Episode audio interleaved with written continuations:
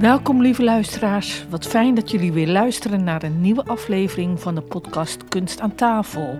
Waarin ik praat over een workshop die ik gegeven heb op een basisschool met de titel Spelende lijnen en dansende vlakken.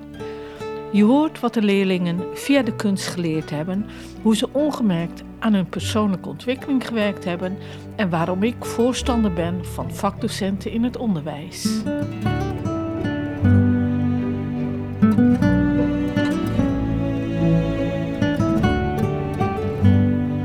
Belangrijk het is dat kinderen op zo jong mogelijke leeftijd en zo vaak mogelijk met kunst in aanraking komen, heb ik deze week tijdens een talentenmiddag op een basisschool in mijn omgeving weer mogen ervaren.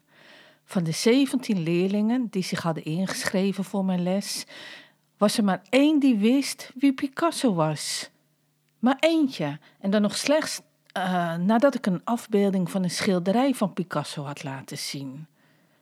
Picasso, een van de grondleggers van het cubisme, wat mij betreft, vanwege zijn veelzijdigheid en zijn vernieuwende inzichten, de grootste kunstenaar van de 19e eeuw.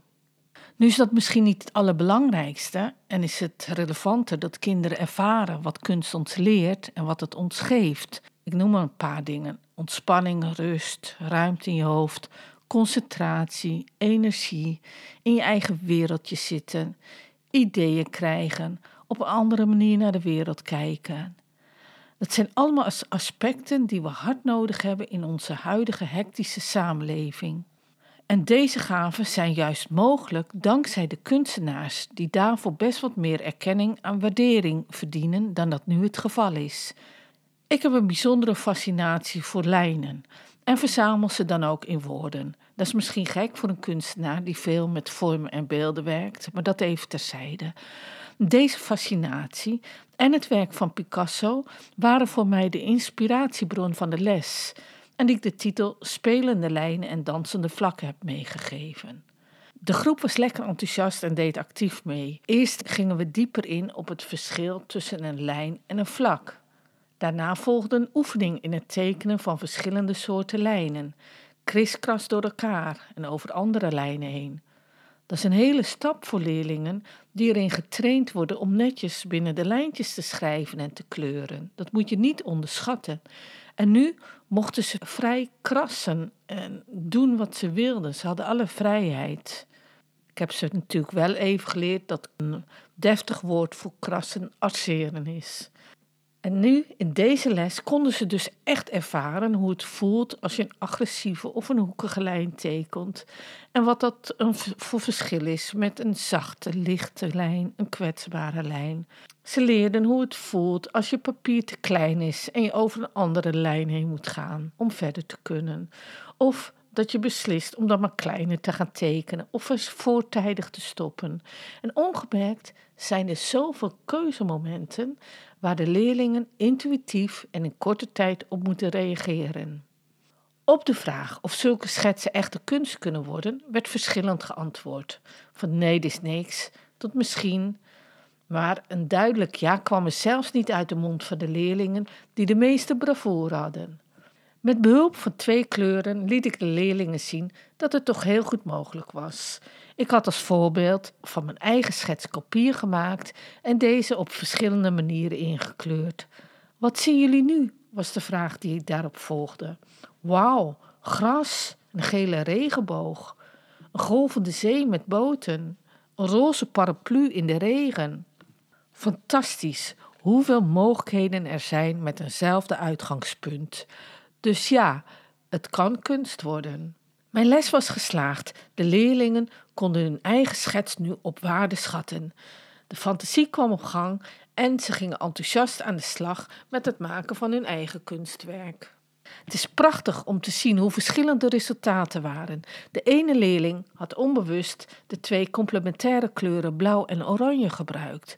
Hij wist niets over kleurenleer en dus ook niet dat deze kleuren elkaar versterken. Verrassend ook dat een jongetje me wist te vertellen dat er wel meer dan 17,1 miljoen verschillende kleuren zijn. Dat maakt indruk. Het werk van een andere leerling was zo kleurrijk dat het gemakkelijk één op één overgezet zou kunnen worden naar een glas in loodraam. Een ander werk weer was grafisch ontzettend sterk vanwege het gebruik van een sterk zwart-wit contrast. En de jongste van de groep die verraste me door verschillende kleine vormen in te kleuren en één hele grote vorm, waardoor je een dynamisch werk krijgt, maar ook een focuspunt waar je oog naartoe getrokken wordt. Wat hebben ze van deze les geleerd? Nou, bijvoorbeeld dat je nooit hoeft te vervelen en niet altijd een computerspelletje nodig hebt om je te vermaken. Pak maar een potlood en een vel papier en begin met lijnen te zetten. En heb je geen potlood of papier, ga dan naar buiten, pak een tak en ga tekenen in het zand of in een stukje zwarte aarde. Of maak lijnen met blaadjes die van de boom afgevallen zijn, met grasprietjes, met steentjes. Alles is mogelijk en duurzamer dan dit kan bijna niet. Een ander aspect van deze les is dat de leerlingen geleerd hebben hoe een ontwerpproces tot stand komt. Gewoon door te starten en niet bang te zijn om fouten te maken. Ze hebben immers vrijheid ervaren. Ze hebben geleerd dat je in beweging moet komen, iets gaat doen om je doelen te behalen. En ze hebben geleerd dat fouten niet bestaan. Het zijn leermomenten, stapjes in je proces om je grenzen te verkennen en te vergroten, waardoor je steeds beter wordt in wat je doet en wat je wilt bereiken. Ze hebben dus een beter inzicht in zichzelf gekregen. En daar kan je niet vroeg genoeg mee beginnen. Daarom ben ik er voorstander van dat iedere school weer een vakdocent krijgt met passie voor het vak waar hij of zij goed in is en precies weet waar hij of zij mee bezig is. Zoals een gymleraar, een docent beeldend, een muziekdocent, een docent drama, met daaraan gekoppeld een eigen specifieke werkruimte. Daardoor wordt de werkdruk van de vaste docenten verlaagd en kunnen zij zich volledig richten op hun eigen kerntaken, terwijl de leerlingen op elk gebied les krijgen in het beste van het beste. En dat is toch wat we al onze kinderen gunnen?